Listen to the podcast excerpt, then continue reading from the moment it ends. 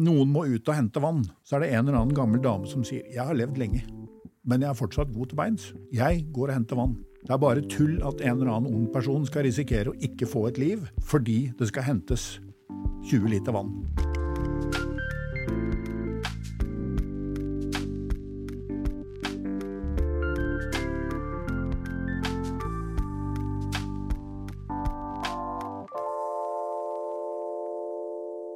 Velkommen, kjære lyttere, kjære seere, våre ørevenner der ute. Vi er klare for en ny episode av Fotopodden, og i dag har vi fått besøk av Morten Wold, som, er, nei, som var krigsfotograf, kan vi kalle det. Konfliktfotograf. Ja. Ja, velkommen uansett. Takk for det. Du har uh, opplevd mye, dokumentert mye, uh, måttet gjennomleve mye, og har synspunkter på mye. Så dette tror jeg kan bli en riktig interessant episode. Kan vi begynne litt sånn holdt på å si med begynnelsen. Hva var det som fikk deg til å dra ut i konfliktområder? Av alle steder, når man kan dra til Syden i stedet? Eh, Jeg tenker vel at det Skal vi korrigere spørsmålsstillingen din? Ja. Første, første spørsmål Ja. det, det beste spørsmålet å stille på i, i, sånne som oss, er hvorfor dro vi tilbake etter den første gangen? ja, det er kanskje et godt poeng. De, det er nok veldig mange som tenker at dette er noe helt annet enn det det er. Gjør det én gang, og så aldri mer igjen. Det var jo spørsmål nummer to, da. vet du. Ja. Ja. Um, og det, det er vel det som gjør at noen velger å fortsette med det. At de finner ut at de har noe der å gjøre, og kanskje til og med kan bli ganske brukbare til det. Så det er noe med å finne en eh, plass i en ellers ganske bråget eh, tilværelse, hvor man eh, ikke har følt seg hjemme noe sted, før man plutselig innser at det er noe man kan eh, få til og føle seg noenlunde nyttig med. Og så er det en kombinasjon av egenskaper man har, ting man ikke bryr seg om, og ting man bryr seg om. Um, Men jeg tror og, og selvfølgelig motivasjon som er satt sammen av erfaringer og sånt. da. Så jeg kommer fra en familie som uh, var veldig preget av uh, andre verdenskrig. Det var en sånn, Min generasjon vokste opp med foreldre som hadde det veldig tett på livet. Uh, min mor er født som flyktning fra dette landet til et annet land. Høres veldig rart ut nå, men den gangen så var det ganske mange som ikke kunne være her. Og på farssiden var det mye krigsseilere og den slags. Så det var en veldig nær del av min oppvekst, eh, dette med krig og konflikter. Så ble jeg veldig opptatt av det som hadde skjedd eh, selv. Og helt konkret så skjedde det da jeg var tidlig i tenårene, kanskje, at jeg satt og leste om andre verdenskrig. Så bilder fra frigjøringen av eh, Belsen-leiren, en av disse ut, utryddelsesleirene for jøder og andre uønskede. Og der var det bilder som George Roger hadde tatt.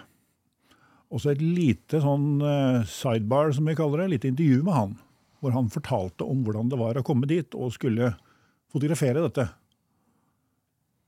Og visste at dette var historisk og ekstremt viktig.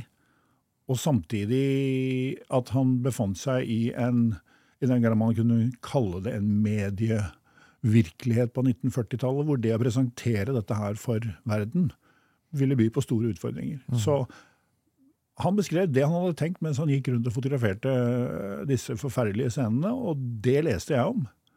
Og det var vel første gangen det gikk opp for meg at de bildene jeg så i historiebøker og aviser og alle andre ting jeg inhalerte som sånn lesehest og ung, det var ikke et vindu bare som jeg kunne se gjennom. Det hadde stått noen der og bestemt hva jeg skulle se. Og det fikk meg til å reflektere litt omkring det. Hvem er denne personen, da? Som viser meg ting. Hvem er disse folkene som lager nyhetsinnslagene eh, på TV? Hvorfor har jeg det verdensbildet jeg har, visuelt? Det er lett å forstå hvordan tekst kan bli til. Det redigeres og ordnes og skrives om osv. Men fotografier er vinn eller forsvinn. Enten så kan man bruke det, og så er det den riktige representative fremstillingen av en historie, eller så er det ikke det. Og da bør man la være å bruke det. Men hva er den riktige representative fremstillingen? Ja, nettopp. Ja. Det er en redaksjonell eh, avgjørelse som helst ikke bør tas i, alene i enerom eh, i en kjeller hvor det sitter noen med en datamaskin, men eh, i fellesskap blant profesjonelle som har eh, etterrettelighet og troverdighet som en del av jobbeskrivelsen sin. De fins fortsatt, men de blir ja, de, Det er kanskje ikke fullt så mange av dem i forhold til det store flertallet av de som tror at de kan eh, produsere medieinnhold. Så ble dette koblet sammen med at min far kjøpte et kamera. Eh, Det hjelper jo ofte når man skal drive på sånt. Plutselig eh, skulle han begynne å fotografere, og det, da var jeg sånn 13-14 år. All, som de fleste 13-14-åringer så syntes jeg det var kjempegøy med knapper og knotter og sånn. Så jeg eh, dro og trykket på alle knappene og knottene helt til jeg åpnet baklokket. Nå er vi tilbake i den analoge tiden, og det å åpne baklokket på et kamera med film i, det var ikke nødvendigvis noe sjakktrekk. Eh, dette skjedde i Frankrike, så vidt jeg husker, og fattern hadde vært i Japan og kjøpt dette her. Og der var hans bilder fra Japan. De forsvant da jeg åpnet baklokket. Ja, da ble du populær. uh, ja, min, min far hadde heldigvis, får vi si, da, en, en uh, øh, han, han brukte ikke så mye tid på, på barneoppdragelse bestandig, så han, hans reaksjon på det var noe sånt som 'behold det jævla kameraet', da. ikke spør hvorfor, men det var det det ble til. Ja. Så fikk jeg beholde det, og med mye støtte fra øh, foreldre som forsto at jeg heller fotograferte enn å gjøre sånne unyttige ting som å gå på skolen eller gjøre lekser eller den slags, så begynte jeg å fotografere nesten døgnet rundt. Altså. Jeg, enten så drev jeg selvstudier, leste alt jeg kom over den gangen. Det er lenge før internettet, dette her, vet du. Så, så jeg måtte jo øh, ønske meg øh, Time Life Library of Photography.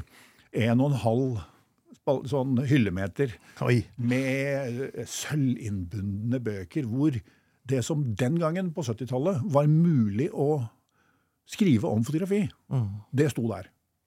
Alt fra reproduksjoner av eh, kunstverk på åtte ganger 10-tommers eh, eh, storformatfilm til høyhastighetsfotografering med sånn Den gangen kunne man ikke få én blits til å blinke fort, man måtte bruke en hel haug av dem og avfyre dem i rekkefølge.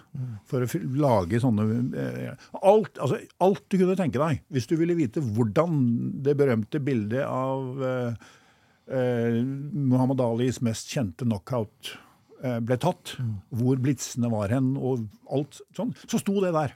Ja. Og intervjuet med han Neil Leafer i, i, i Sports Illustrated som hadde tatt det, det sto der. Uh, og jeg hadde da, i motsetning til på skolene, betydelig interesse av å lære meg dette her. Så uh, jeg hadde mye teoretisk kunnskap og veldig liten praktisk kunnskap om fotografi i ung alder. Så mye faktisk at jeg underviste i foto, valgfag, på ungdomsskolen mens jeg gikk der. Ja. Det er rart man kan lære av teoretisk kunnskap når man har lyst til å lære den teoretiske kunnskapen. Og hvor utrolig vanskelig det kan være å få inn ellers. Ja, eh, det kan jeg skrive noe på. Eh, jeg, det endte, jeg endte opp, eh, da jeg skulle ut av eh, gymnaset, med å måtte opp i eh, alle fag, skriftlig og muntlig, fordi jeg ikke hadde vært der. Eh, jeg hadde isteden jobbet i lokalavisen. Ja. Um, og det var også en skal vi si det, en god sånn eh, opplæring, da.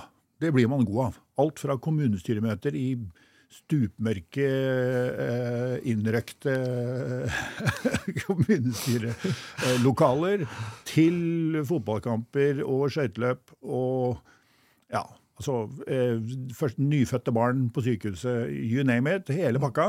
Og så sitte oppe til langt på natt og skrive tekst og lage layout og kopiere bilder i mørkerom og dra hjem med den avisen som ble planlagt på morgenmøtet. Eh, dagen i forveien klokken, i hånden klokken tre om morgenen, samtidig som disse enorme pressene begynte å gå, og lastebilene rygget inntil avishuset, og dette skulle ut til et svært distrikt for at folk skulle få morgenavisen med kaffen sin. Ja. Og den følelsen av at du har med en ganske ubetydelig liten greie i den, eh, som de kommer til å kanskje i hvert fall lese sammen med morgenkaffen, det var ganske spennende når man er tenåring. Og det der fortsatte nok. Fortsatt så tenker jeg det at det å få lov til å være med å definere folks visuelle eh, og delvis også skrevne oppfatning eh, av hvordan verden ser ut, kanskje til og med noe som jeg syns er viktig at de vet, det er et enormt privilegium. Å, å ha eh, et tillitsforhold da, til de som ser på det du lager. Eh, Det er jo kanskje den viktigste motivatoren nå, etter eh, at jeg holdt på med dette her i altfor lenge, sikkert, vil mange hevde. Men, men ja, det er fortsatt det som er det som gjør at jeg gidder å, å bære mye tungt kamerautstyr langt, mens andre er inne fordi det blåser. Eh, Du sier at man trenger et sett med redaktører som kan gå gjennom eh, bildene og gjøre en ordentlig redaktørjobb på det for å få en, en balanse, men hvis du er ute i felten og tar bilder, så er det jo eh, ditt syn på verden du kommer hjem med. Eh, så hvis du leverer fra deg en bunke med bilder, det heter kanskje ikke bunke lenger, en eh, minnepinne med bilder, eh, til disse redaktørene, så har jo ikke de annet å velge i annet enn ditt syn på den situasjonen du, situasjonen du var oppe i. Hvordan får man et nyansert bilde på, på sånt da? Jeg, jo, eh, jeg har jobbet i veldig mange år i nyhetsbyråer. Jeg har bevisst valgt bort faste jobber i aviser fordi jeg syns at den, det nedslagsfeltet du får når du jobber i et nyhetsbyrå, hvor du fortrenger det avisene lager selv, når saken du er på er viktig nok. Ja, Du reiser et eller annet sted, kort eller langt unna, og gjør noe som avisene ikke selv kan dra og gjøre alle sammen. Det var jo sånn nyhetsbyråene i sin tid oppsto. Associated Press, som jeg har jobbet for eh, i mange år, oppsto under den amerikanske borgerkrigen fordi avisene ikke ville miste flere eh, fotografer og journalister eh, ved fronten. Tenkte ja, Vi sender én mann, som vi betaler for alle sammen. Og så, hvis han eh, går med, eh, så sender vi en ny. Men vi sender ikke hver vår, fordi det blir altfor kostbart på alle måter. Og den, sånn er det jo i noen grad fortsatt. altså disse små bokstavforkortelsene som står under altså over nyhetsartikler, eh, på TV, under bilder osv., det er sånne som meg, som er et eller annet sted, eh, i stedet for at alle drar dit hver for seg. I det systemet, blant de store, etablerte bildebyråene, så er det en betydelig grad av eh, eh, hva skal vi si, redaksjonell kontroll. Det er ingen fotograf, med veldig få unntak, eh, så har det nesten aldri skjedd i historien at noen har kunnet sette, sende et bilde ut på wiren, som det heter, altså direkte ut til kundene, uten at det har vært innom flere ledd. Som Dette er jo store internasjonale byråer med en, en grad av brutalitet i arbeidslivet som vi ikke er så vant med her. Så hvis du bommer og sender ut et bilde som ikke burde ha gått ut fordi det er fake på en eller annen måte, eh, så mister du jobben. Det er, da er du død i vannet, og du får ikke jobb noe annet sted heller. Du ender opp i en eller annen eh, suspekt tabloidavis et eller annet sted, fordi de vil ha sånne som er villige til å tøye grensene litt. Men i den seriøse delen av bransjen så er du død i vannet. Litt annerledes på lokalt nivå og nasjonalt nivå rundt omkring, men i det store internasjonale bildet så er det slik at vi har et eh, både profesjonelt tilnærming, altså en profesjonell tilnærming hvor alt blir på en eller annen måte sjekket. Det er så enkelt som at hvis du sitter med noe Det er som når du leser avisen din. Hvis ingen andre har den saken Sånn som da Putin plutselig hadde fått kreft her, i noen aviser. Og de drev og siterte hverandre. Ikke sant? Den ene tabloidavisen siterte den andre tabloidavisen, som siterte den tredje tabloidavisen, som til slutt viste seg at dette kom bare fra et rykte, som opptil var gammelt. Og her var det sånn Det flyttet seg langt over i disse, det som vi kaller for quailoids. De som anser seg selv for å være kvalitetstabloider. Daily Mirror, som i sin tid fant på dette her. De Og det er noen aviser i Norge også som definerer seg selv inn i den gruppen der. De passet på da å si at ryktene går om Putins helsetilstand osv. Og, så og så refererte de da til noen andre aviser. I starten på dette her var det selvfølgelig bare et gammelt rykte som ikke har noen substans i det hele tatt.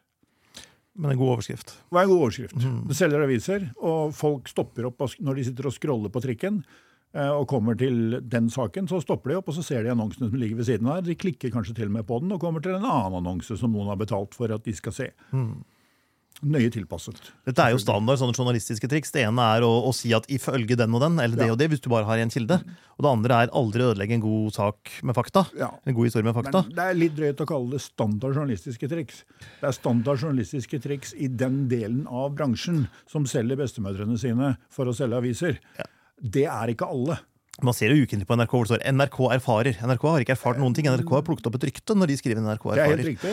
Og det har blitt en uh, altså Presset, da, som i noen grad, sånn som i NRKs tilfelle, er selvpålagt. Mm. De har ikke noe eh, krav fra noen om at de skal selge så og så mange klikk på sakene sine. De holder på med dette tøvet innimellom, ikke så ofte som andre kanskje. og og ikke på så eh, drøye måter. Men de gjør noen av de samme tingene som de andre gjør. Jeg vet ikke hvorfor, egentlig. Jeg kan ikke helt fatte og begripe hvorfor noen skal clickbate når de jobber på, i nettutgaven til NRK. Nei, altså, det, det gir ikke mening. Og det undergraver egen troverdighet på en måte som er ganske eh, er vanskelig å rette opp igjen, da. Veldig vanskelig å rette opp igjen. Har du først blitt altså, Det er jo sånn når du sier journalistiske metoder, og du stryker med bred pensel over det, så har den skaden skjedd at du kan tillate deg å, å ikke skille mellom de som har syv redaksjonelle ledd mellom kilden og no, at noe kommer på ut, altså enten det er på trykk eller skjerm, eh, og de som bare eh, hemningsløst hiver utpå all verdens søppel mm. i håp om at folk skal bite på noen ting. Og det er klart at i det i det, skikt, altså i, den, i det spekteret der så er det enormt store forskjeller fortsatt. Ja. Vi har et problem i dette landet her med at vi har for dårlige skiller mellom kvalitetsmedier og de som er eh, tøvete tabloidmedier. Det er opptil flere av de store som tillater seg å holde på med begge deler samtidig. Mm. og forventer å bli tatt alvorlig. Og så drives det nesten ikke mediekritikk. Nei. Fordi andedammen her er så liten at det er fri flyt av seniorpersonell mellom tøvete tabloidaviser og eh, tilsynelatende seriøse eh, medier. Det er klart at Når du kan presedere, sånn som skjedde for noen år siden, presedere over en kjempeskandale av slurvete, dårlig eh, tabloid håndverk i VG, og så bli sjefsredaktør i Aftenposten senere, så er det litt spesielt med tanke på, med tanke på troverdigheten. Det, det, er jo en utfordring i alle mindre land at uh, alle kjenner alle, og miljøene er så små. Ja. at Skaper du deg fiender, ja. så er du litt ute. Og man ser jo sånn Land som Island mm. sliter jo enda mye mer med det. Helt klart. Altså, det, det er klart. Jeg skjønner jo det at en eller annen som har blinket seg ut en jobb i en eller annen stor avis med bedre betalt og øh, osv., ikke har så lyst til å henge ut kollegene sine der og kanskje bli bannlyst for evig og alltid. Fordi i et så liten andam så er det et problem med de nære relasjonene. Men sånn er det jo med alt i små land. Mm. Det er jo sånn i forretningslivet, det er sånn i det offentlige, det er sånn i politikken. Men man kan jo gjøre en god jobb allikevel. Altså, både du og jeg har vært i Nord-Korea, du i større grad enn meg. Mm. Det var jo mange år I norske medier så kunne man ikke skrive en sak om Nord-Korea uten å legge på ganske tidlig et usann historie. Ja. For så å dementere den nederst ja. i saken. Mm. Uh, og hva er vitsen med å legge på ekstra sånne sverteting som ikke har noe med saken å gjøre om Nord-Korea, når det finnes så mye man kan sverte dem for som faktisk er sant. Mm. Altså, det, det, er ikke journalistikk, det er bare kampanje. Mm. Og, og, det har ingen hensikt. Mm. Og, og, ja. og, sånn var det mye av oss. Det er blitt bedre, men det var mye av det. Vi, vi har jo uh, I senere tid så har dette fått en enda mer alvorlig vri, fordi en stund så satt mediene og hånflirte av ekkokamrene på internettet. Eh, nå har de blitt med på det selv i stor grad. Nå, nå, tenker de at ja, men hva er det folk egentlig vil høre om dette her? Mm. Og så har de begynt altså, å begi seg ut i et landskap hvor de forsøker De driver en slags sånn mediepopulisme, da, for å kalle det det. Eh, det resulterer i at man nærmest blir et ekko før man lager en original lyd. Man tenker seg liksom hva er, hva er folkets røst i dette her? Hvordan skal vi reflektere den på en mer lettfordøyelig måte enn det de klarer selv? Fordi vi er mye bedre til å formidle. Og det er de jo som regel. Det er jo en grunn til at de har eh, blitt eh, journalister og, redaktører. Og det, det er ganske eh, nifst å se eh, at frykten for flåtten eller magefettet eller hva det måtte være, eh, dukker opp på alles første sider med ujevne mellomrom, når man tenker at nå er det på tide at folk får litt utløp og litt ekko på sin frykt for det det måtte være.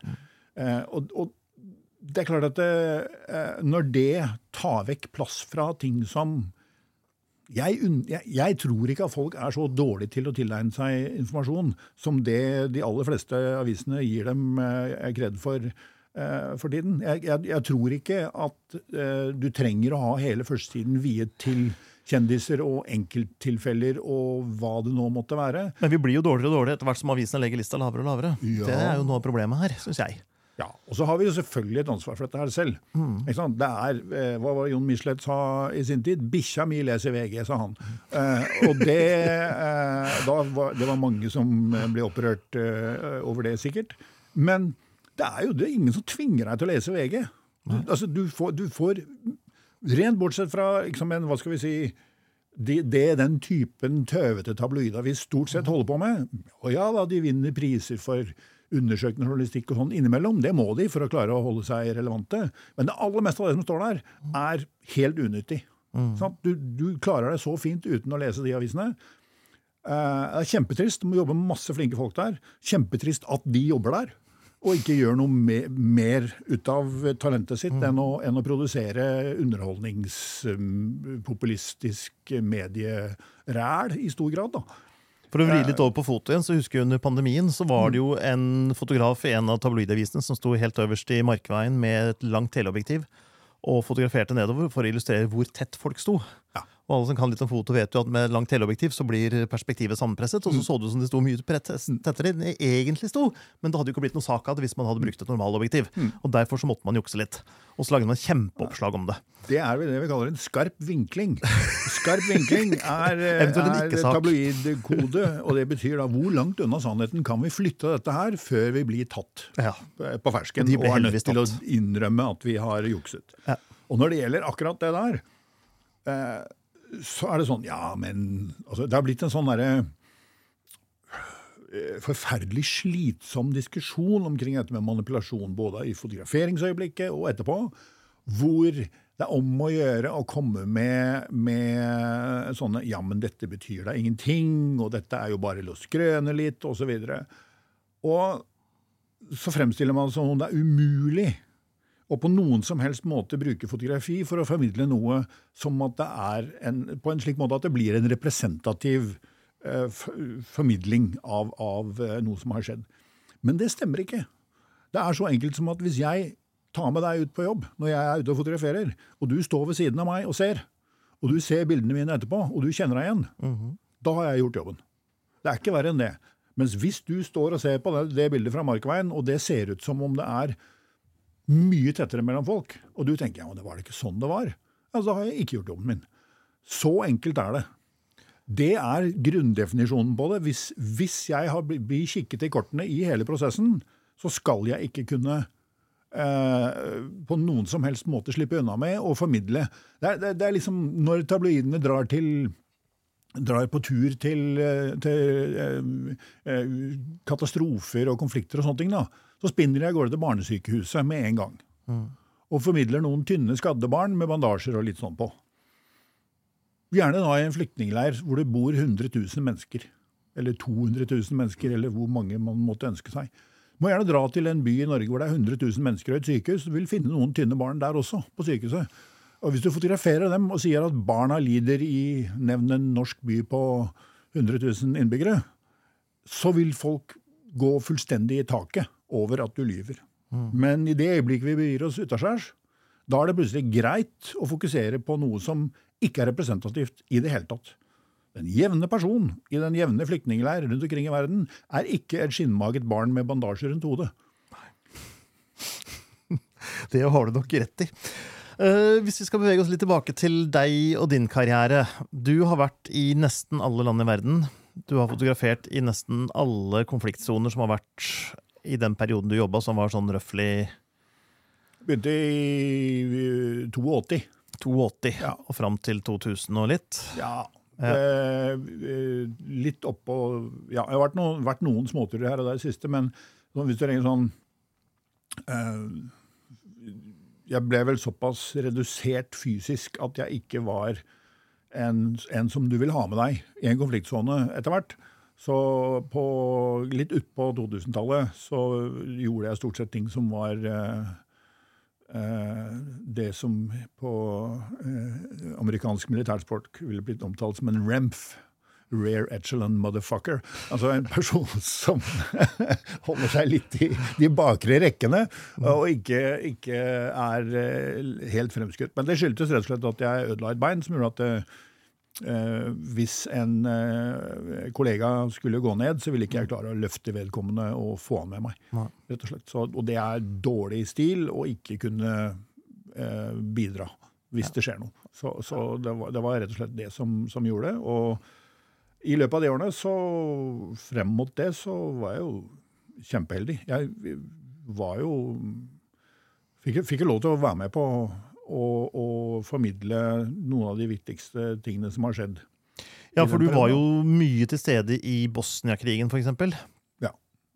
Det er jo Når du jobber for et eh, internasjonalt byrå, sånn som jeg gjør det, så er det litt annerledes enn den måten man driver avisjournalistikk på. Vi flytter jo dit og bor der.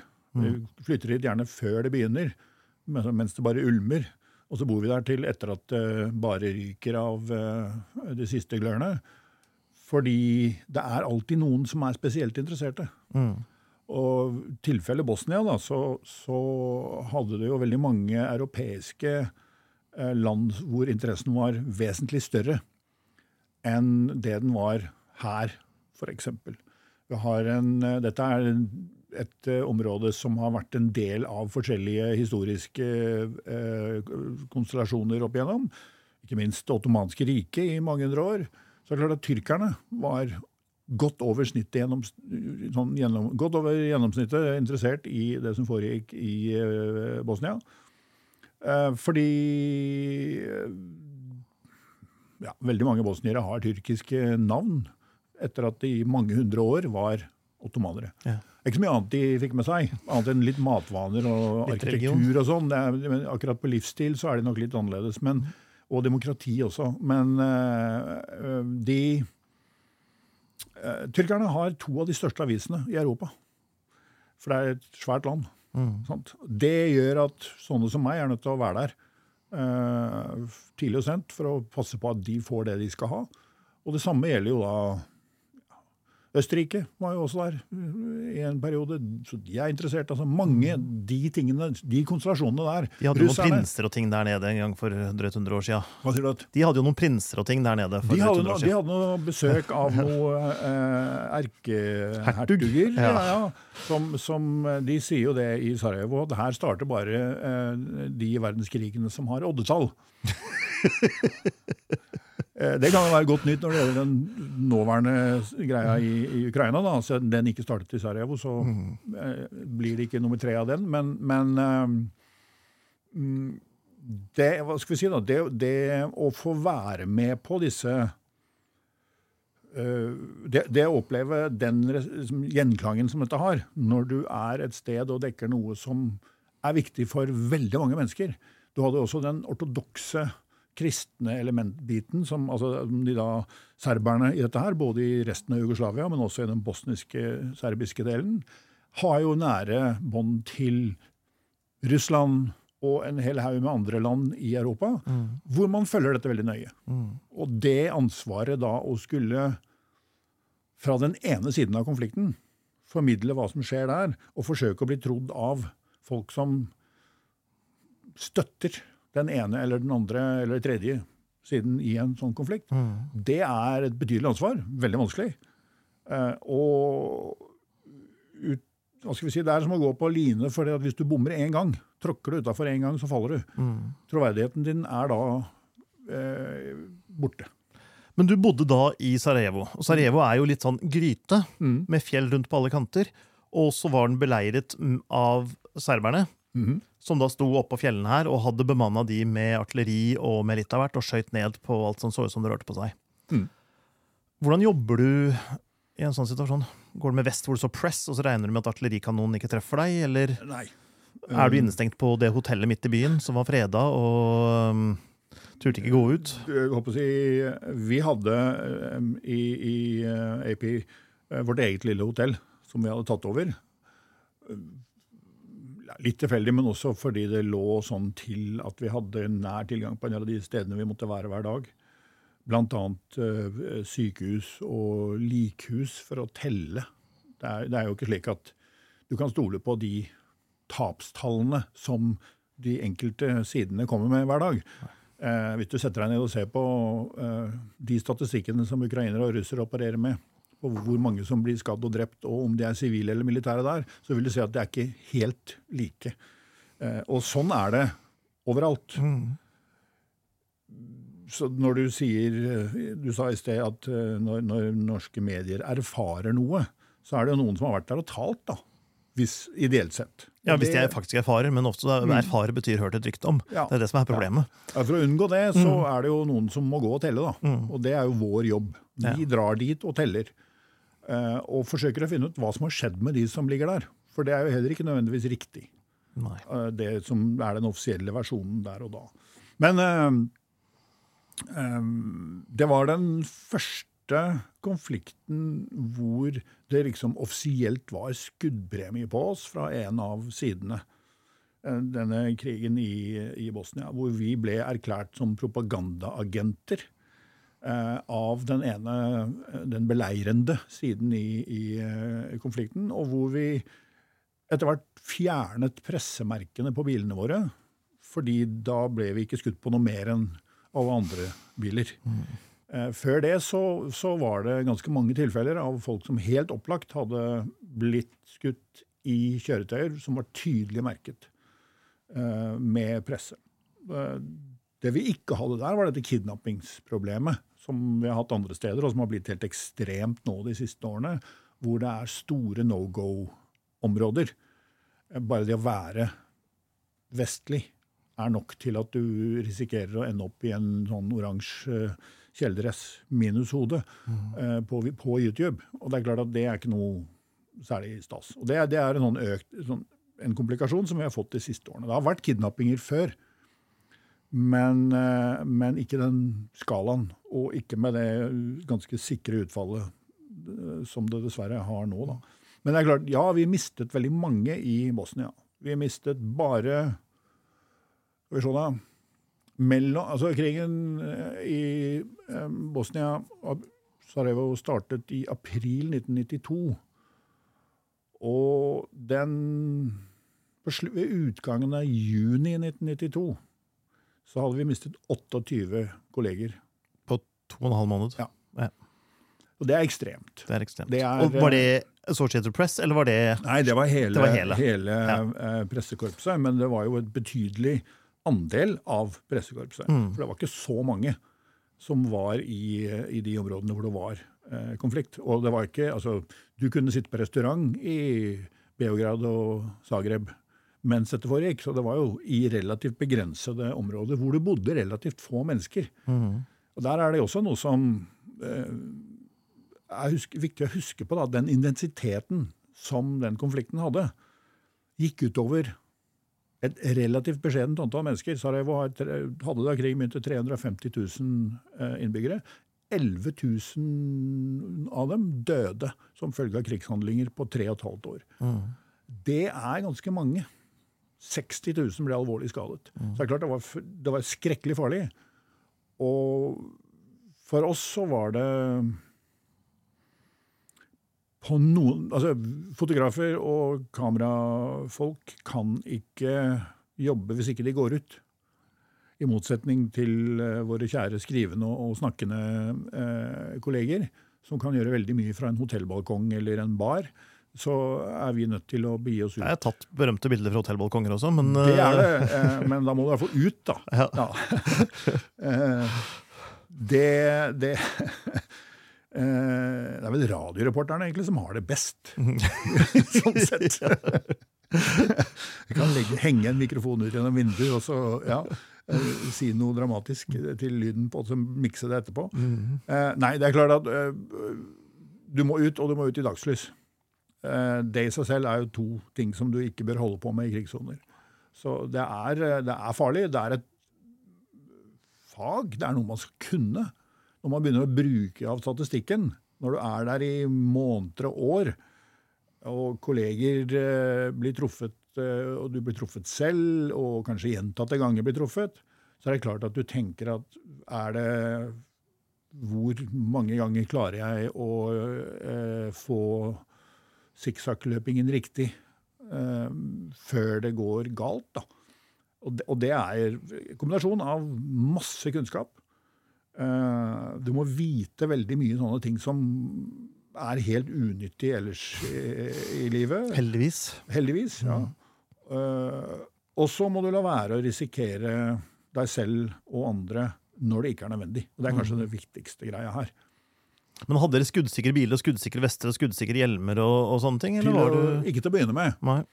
Til å begynne med så tenkte vi at dette er som alle andre kriger. At det, liksom, folk skjønner hvem vi er, og de, vi blir bare eh, skadet og drept ved når det er altså uhell eller artilleri eh, osv. Mm. Men vi skjønte jo ganske fort at det var ikke slik. Eh, og da, så vi skaffet oss eh, det, det, det var trendsettende. da. Det var den første konflikten som ble dekket med skuddsikre biler, og hvor alle hadde eh, kroppspansring og hjelm og førstehjelpskurs eh, osv. Og, og førstehjelpsutstyr. Ja, ironisk nok så fantes det jo ikke noen sånne eh, kurs den gangen. Så man, nå, nå blir jo alle som skal i krigs, dekke kriger, de er nødt til å ha vært på et sånn sertifisert kurs et eller annet sted. Den gangen så fantes ikke det. Det var bare de som hadde erfaring, som, visste, som hadde fått seg den erfaringen med å begynne som grønnskåldinger, sånn som meg.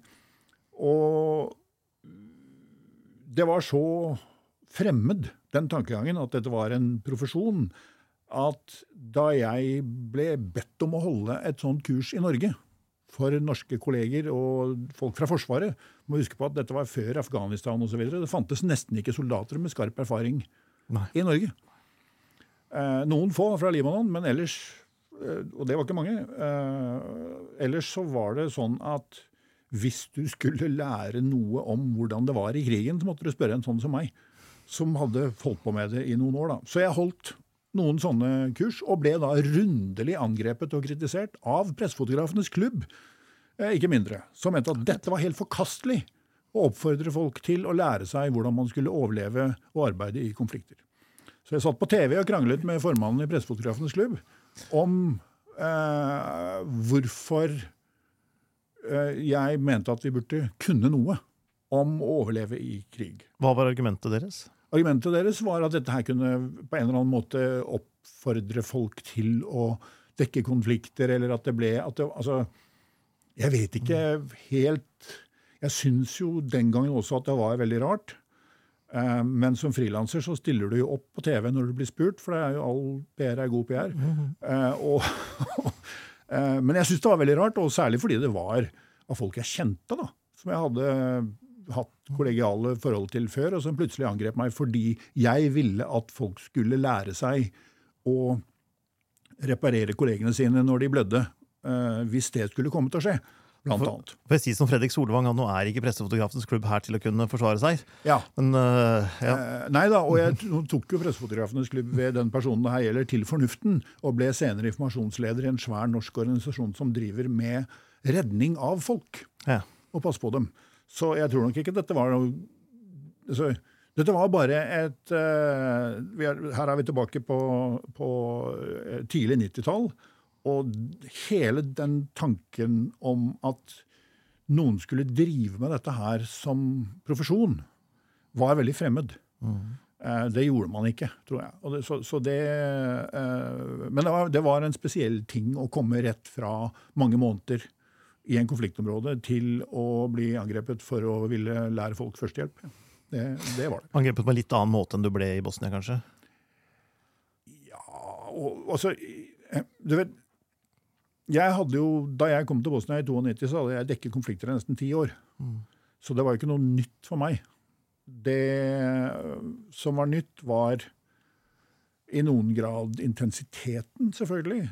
Og så var det det å flytte inn der på den måten og være der i årevis. De fleste andre steder har ikke den intensiteten over så lenge som, som det hadde. Så det var eh, spesielt. Men jeg jobbet jo da altså Han som var min sjef i AP den gangen, var i Vietnam i elleve år. Eh, så under Vietnamkrigen. Så det er klart at det, det var et litt annet miljø.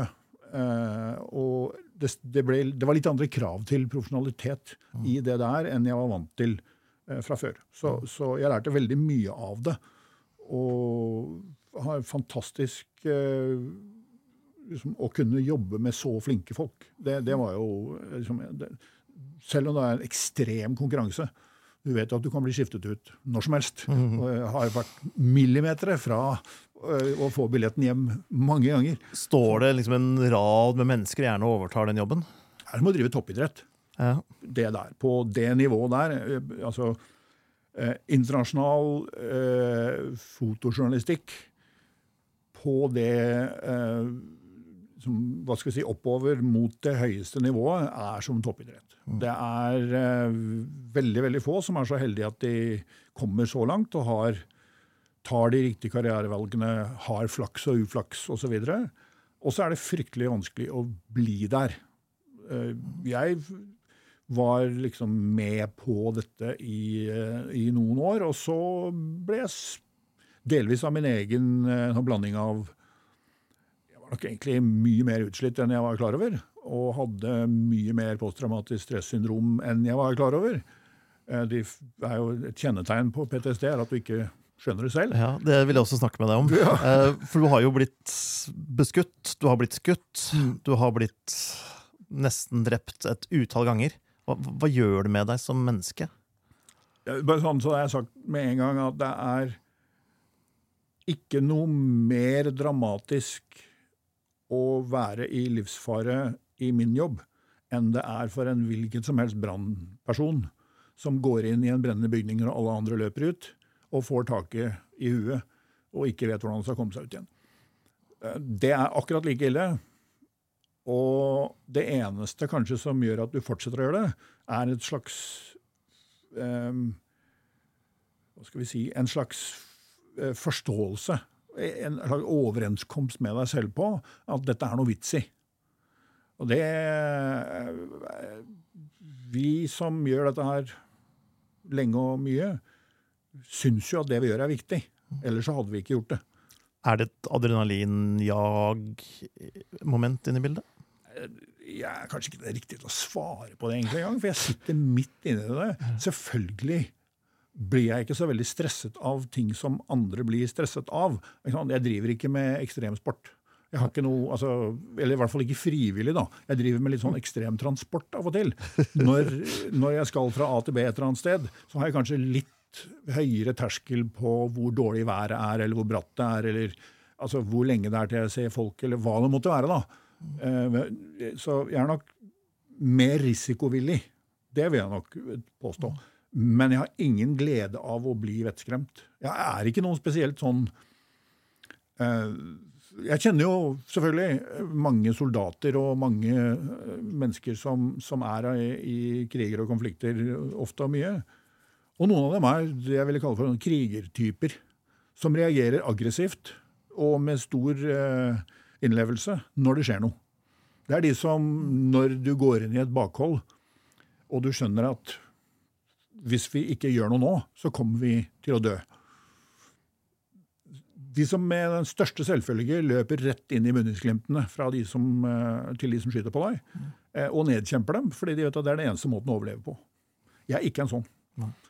Min umiddelbare reaksjon når jeg, er, når jeg- innser at nå er det noen som forsøker å, å gjøre meg noe vondt, og hvis ikke jeg gjør noe, så kommer de til å få til det, er en slags sånn passiv panikk. Jeg setter meg mentalt ned og håper at moren min skal komme og hente meg. Eh, og så har jeg jo lært da, at det skjer ikke nødvendigvis lenger.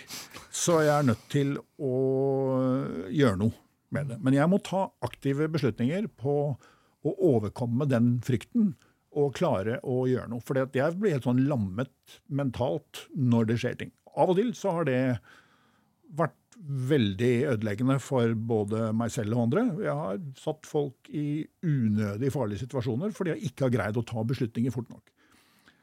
Så det derre eh, eh, Karikaturen på at vi er sånne eh, adrenalinjunkier som hopper rundt eh, i, i, konfliktsoner og fotograferer og spretter hit og dit eh, eh osv., den, den er veldig eh, Det er nok noen sånne innimellom, men Det er ikke mange. Fordi det er en betydelig grad av sånn eh, indre disiplin i dette miljøet. Og du får rett og slett ikke være med eh, og leke holdt jeg på å si, med oss andre hvis du er en bias. Mm. Du er farlig for mm. oss, men du, også, du, setter også standen i dårlig lys. Da. Så mm. det å, å, å Skal vi si det, det, det grunnleggende delen av min jobb har bestått i å treffe folk på den dårligste dagen i livet deres. Og så nærme meg dem og forsøke å fotografere dem og snakke med dem på en måte som gjør at jeg kan fortelle en representativ og sannferdig historie om det til veldig mange mennesker.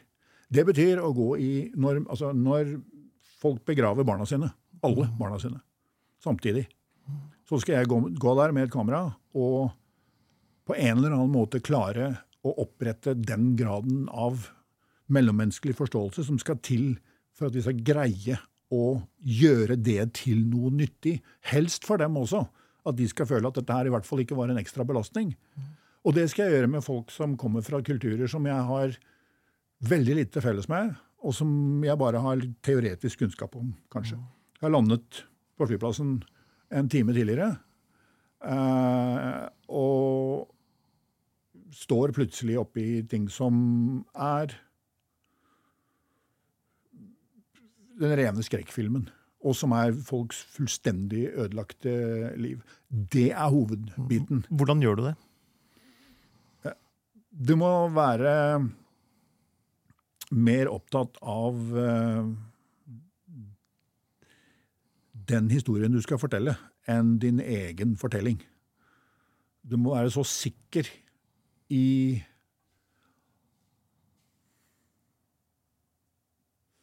du, må være, du, må, du, må vite at når du nærmer deg en sånn fortelling, så er du både profesjonelt og på andre måter i stand til å fortelle dette her uten at du roter det til. Det er litt som å være altså, Du kan sammenligne med de gangene vi må yte førstehjelp. da. Sånn, det skjer jo også hele tiden, det, men det blir det jo sjelden bilder av. Vi står jo ganske ofte eh, i situasjoner hvor kameraene må vekk, og så må vi hjelpe folk. Da bør du helst ha orden på deg. Fordi du, du kan ikke sitte og grine når du skal reparere folk som blør. For da ser du ingenting. Nei. Og Sånn er det å fotografere også. Du er nødt til å stille Ditt eget følelsesliv må liksom være ja, det må være en del av det. Du skal selvfølgelig, altså Empati og alt dette her er jo helt grunnleggende viktig. Men det, hvis ikke du har det, så er det noe gærent med deg. Da burde du i hvert fall la være å gjøre den type ting. Men du må kunne gjøre jobben din. Mm. Det er litt som å være lege på, på traumeavdelingen. Hvis ikke du kan altså Når det kommer inn en skolebuss som har krasjet, mm. så kan du ikke sitte og synes synd på deg selv fordi du må oppleve det. Nei, men Der har du sykepleiere og hjelpepleiere som har som jobb å synes synd. Jo, jo, Legen men altså, si. det, den, for, den skrekkelige opplevelsen det er ja. å stå der i dette her, mm. eh, er det ikke alle som greier å fjerne fra sitt eget, mm. sitt eget reaksjonsmønster. Så det er én ting. Og det andre er jo dette med at uh, Du må ha de profesjonelle redskapene som gjør at du kanskje ikke bruker det i anførselstegn beste bildet hvis det ikke er representativt. Hvis du er i, La oss si du er i en begravelse da, i en kultur hvor mennesker ikke naturlig eh, viser på en visuell måte veldig sterke følelser. Og så har du én person som kanskje er mentalt ustabil, som kaster seg over en grav og gråter og som lager dette dramatiske, opplagte bildet. Mm. Mens de 30 andre begravelsene den dagen består av menn og kvinner som stoisk sørger på den måten de sørger. Skal du da vise den ene, kanskje mentalt ubalanserte personen som har gitt deg det bildet som er en sånn begravelsesklassiker, eller skal du legge det til side og tenke at ja, men det var ikke det som skjedde? Og det er en del av den etiske uh, vurderingspakken som må gå inn i det. Og dette må du være trygg på før det går inn i det. Fordi hvis du begynner å tvile på din egen motivasjon, så begynner du å tenke at ja, men dette er jo et råsexy bilde, i stedet for det som faktisk foregår her. Mm. Sånn er det med kamphandlinger også. Ja, massevis av uh, fotografer som kommer tilbake med dramatiske bilder av folk som skyter. Og så ser du på vinkelen om at du hadde jo vært hvis dette hadde vært så dramatisk som det ser ut, så hadde denne fotografen vært død. Det er tatt forfra og ovenifra av en person i en skyttergrav. Eh, og det skjer stadig vekk. da. Kommer fra mm. frilansere rundt omkring. Og disse, eh, som en norsk avisredaktør eh, fikk seg til å si her, at ja, men det er jo alltid en rørlegger med et mobilkamera der. Eh, de produserer den slags ofte. Ikke noe gærent om rørleggere. Heller mye gærent om den typen avisredaktører som, som tror at jeg skal Ifølge, altså, det er som en, en, eh, en, sjef for et rørleggerfirma skulle si at det er alltid en fotograf med en rørtang der. Mm. Ikke sant? Det, det, det, blir, eh, det, blir, ikke bra kloakk eh, av det. Så, så ja, det, er, det, handler veldig mye om det du kan fra før. Det du har med deg inn der. At du skjønner kulturen, at du skjønner bakgrunnen for at du har gjort researchen din. At ikke du drar et sted fordi det er kule bilder du kan få. Og så skal du selvfølgelig kunne fotografere. Og så må du kjenne deg selv. Ja. Og dine egne grenser og dine egne begrensninger og dine egne reaksjonsmønstre osv. Ja. Eh, når du har hatt en dag på jobb hvor du fotograferer noen eh, begravelser på morgenen, og så må du løpe i sikksakk på ettermiddagen, og så går du på kvelden og legger deg på et hotellrom som du vet kan bli truffet av en artillerigranat i løpet av natta, mm. hva går gjennom hodet ditt da? Det er heldigvis slik at vi er ikke så ofte alene i de situasjonene. Og det er viktig å understreke uansett at dette bildet av en fotograf som går rundt alene i gatene og fotograferer mens han blir skutt på, og dette er veldig dramatisk og det er en sånn ensom-ulv-situasjon, er nesten aldri riktig. Jeg snakker ikke det språket de snakker i Somalia, nødvendigvis. Jeg ville ikke ha overlevd i veldig mange minuttene på gatene i Somalia uten eh, eller i Mogadishu i hvert fall, uten at jeg hadde med meg noen som hjalp meg. Og det er som regel ikke bare én person. Det er gjerne sjåfør, oversettere, fiksere, folk som passer på sikkerheten vår, som sørger for at vi får tak i rent vann og drikke. Alt dette her. Så det er en svær logistikkoperasjon rundt at vi skal klare å få gjort det vi skal, og få de tingene tilbake. Det hjelper ingenting om du har tatt dramatiske bilder av noe viktig som skjer der og da, og du er på jobb for et nyhetsbyrå, hvis ikke du har strøm så du får sendt dette her. Den strømmen må som regel skaffes med generatorer osv. De generatorene er eh, ettertraktede i konfliktområder, eh, og noen må passe på dem mens du er ute og fotograferer. Så det er en sånn eh, Det som går i en sånn under fellesbetegnelsen fiksere, de som fikser ting for oss, som gjør at vi kan konsentrere oss om det vi er sånn noenlunde brukbare til, og ikke å kjøre taxi på vinterføre og sommerdekk osv. Eh, de er helt avgjørende viktige. Og det er, altså, Hvis jeg skal uhemmet skryte av én ting, så er det at jeg har vært usannsynlig heldig og dyktig til å finne gode fiksere. Det kan jeg. Det er, eh, og det er en uh, Sikkert en eller annen jeg har lært av moren min, tror jeg. Dette med mellommenneskelige relasjoner og vurderinger og det å forholde seg til folk som er veldig annerledes fra meg selv, på en måte som gjør at jeg klarer å komme i kontakt med dem og få utviklet en relasjon fort. Ja. Ikke minst. Fordi de, altså, nesten alle ting jeg har gjort, som jeg har fått eh, litt eh, skryt og kred for opp igjennom, har vært et resultat av en eller annen eller flere fantastiske lokale eh, mennesker som har gitt meg muligheter som jeg ellers ikke ville fått. Jeg kan liksom sitte hele dagen og bla gjennom bilder og vise fram og si ja, ser jeg ikke dette spennende, og veldig flott osv. Uh, var på mange førstesider over hele verden. Og sånn, og så kan jeg nesten alltid koble det opp til en eller annen historie hvor en eller annen fantastisk fikser, eller flere fantastiske fiksere, har gjort en utrolig innsats for at jeg skulle få lov til å ta det bildet og få navnet mitt i avisen. Uh, og det er helt avgjørende viktig at vi husker på, for det er ikke bare vi blekansiktene med kameraer som produserer journalistikk i verden. Også. Det er i mye større grad de folkene som vi er så heldige å finne, eller snuble over, eller de finner oss. Så greier vi å lære dem opp til å, såpass at de forstår vårt språk. Og så, ikke minst, da, når vi drar og historien dør litt ned, så har vi forhåpentligvis lært dem opp så mye at de kan ta over showet eh, og produserer journalistikk på nivå som er bra nok etter det. Og det er også en del av dette her. Er å eh, trene opp lokale eh, frilansere og, og, sånn til å bli, ja, i mange tilfeller, eh, journalister som jobber på høyt internasjonalt nivå, og som da kanskje jobbet i bank den dagen krigen begynte. Hvor, går det an å si noe om hvor mange mennesker som da er involvert for at du skal få ta dette blinkskuddet i Mogadishu, når du tar med tolker og folk som skaffer vann, og folk som passer på generatoren, eh, og folk som er sikkerhetsvakter, og folk som uh... altså, Mogadishu er et, er et, veldig spesielt eksempel. Uh, fordi der hadde vi store problemer med all sikkerhet i de aller fleste konfliktområder så har du en viss sone du kan operere i uten at det er farlig altså Uten at de menneskene som er rundt deg, er farlige. Det, er sånn du blir skutt på, kanskje fra noen hundre meters hold i verste fall, og fra noen kilometers hold med artilleri osv. Men du bør ikke bekymre deg for de som står på gaten ved siden av deg, noe mer enn du må i si, andre steder i verden. Mogadishu var annerledes. Der skjedde det ting med folk på eh, nært hold. Det var ikke noen klare, klart definerte grenser og områder og frontlinjer osv. Så, videre. så der hadde vi faktisk vår egen hær.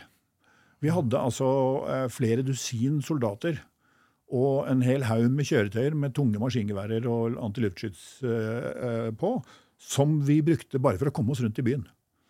Det, og det var jo helt absurd, en helt absurd situasjon hvor for at jeg skulle komme meg til eh, FNs hovedkvarter eh, og gjøre et eller annet, altså plukke opp en ny akkreditering, så måtte vi ha seks eh, Toyota-pickuper med tungt, tung bevæpning og, og en 30-40 mann i sving for å frakte den ene fotografen fra A til B.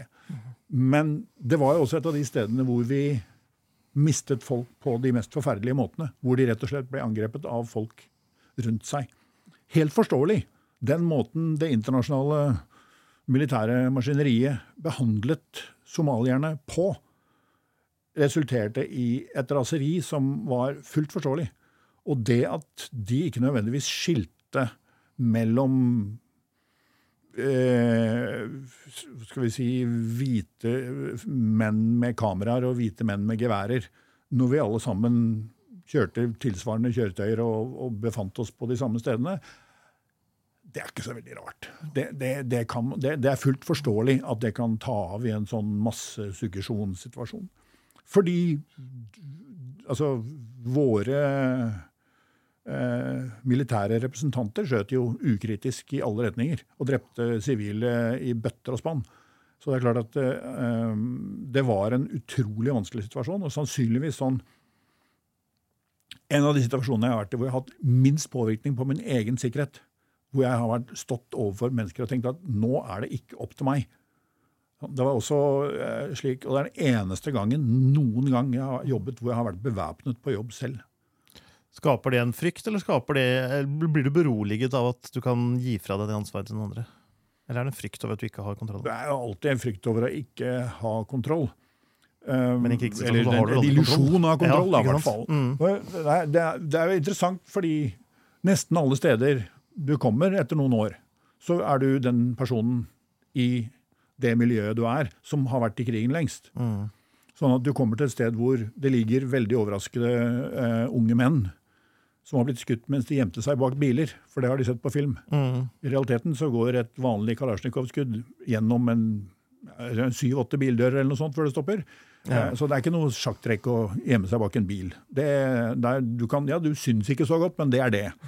Hvis noen ser føttene dine under bilen, så vet de hvor du står hen, og da er det enkelt å, å eh, plassere deg. Men de ser veldig overrasket ut, de som har blitt truffet og, eh, bak biler. De første ukene en konflikt varer. Mens vi som kommer inn og har mye erfaring, da, vi ender jo ofte opp i situasjoner hvor vi må forklare for disse ungguttene at vi kommer ikke til å overleve nå, gutter. Fordi denne bygningen her, når de begynner å treffe den med det de skyter med rundt oss nå, så kommer den til å falle ned i hodet på oss. Og det er jo en ganske absurd situasjon, da. Å, å være den som i noen grad leder menn i krig. Eh, fordi de kommer ikke til å greie det selv. De har ikke nødvendigvis den erfaringen. Og det er soldater, eller? Ja, soldater, sivile, alle. Men felles for dem alle sammen er jo at veldig mange ganger så kommer vi mens de for første gang i sitt liv opplever Ja. eh, væpnet konflikt. Og det er ikke noe mennesker er rigget for å forstå. Det at du kan bli drept på mange mils avstand. eh, Det er ikke altså Bare sånne ting som at artillerigranater som faller ned, de lager ikke noen lyd. Den plystrelyden de lager på film, den finnes ikke i virkeligheten. En bombekastegranat som inneholder mange kilo høysprengstoff og, og, og eh, splinter, den er dråpeformet og faller helt lydløst. Det første du hører, er, hvis du er heldig, smelle. Uh, og det er klart at det er et sjokk for mange, det der. Dette med å sortere høyhastighetsammunisjon. Når noen skyter på deg med et snipergevær fra noen hundre meters hold, så ser du ikke hvor det kommer fra. Vedkommende ikke, han henger ikke ut av vinduskarmen og skyter. Han er kanskje to eller tre vegger inn i rommet med små hull som han har laget seg, eller fått teamet sitt til å lage. Det er bare den som blir truffet, som ser det munningsglimtet. Lyden, Den første lyden du hører, er sannsynligvis, hvis han bommer, anslaget av prosjektilet. Mm. Så hører du et sånt høyhastighetssnap som ligner på sånn når et, eh, ja, en miniversjon av et jagerfly som går gjennom lydmuren. Så hører du avfyringslyden av skuddet. Akkurat. Ja. Prøv å orientere deg med i det der, Mm. og så husk på at nesten alltid når du er i en sånn situasjon, så er du døv. Ja.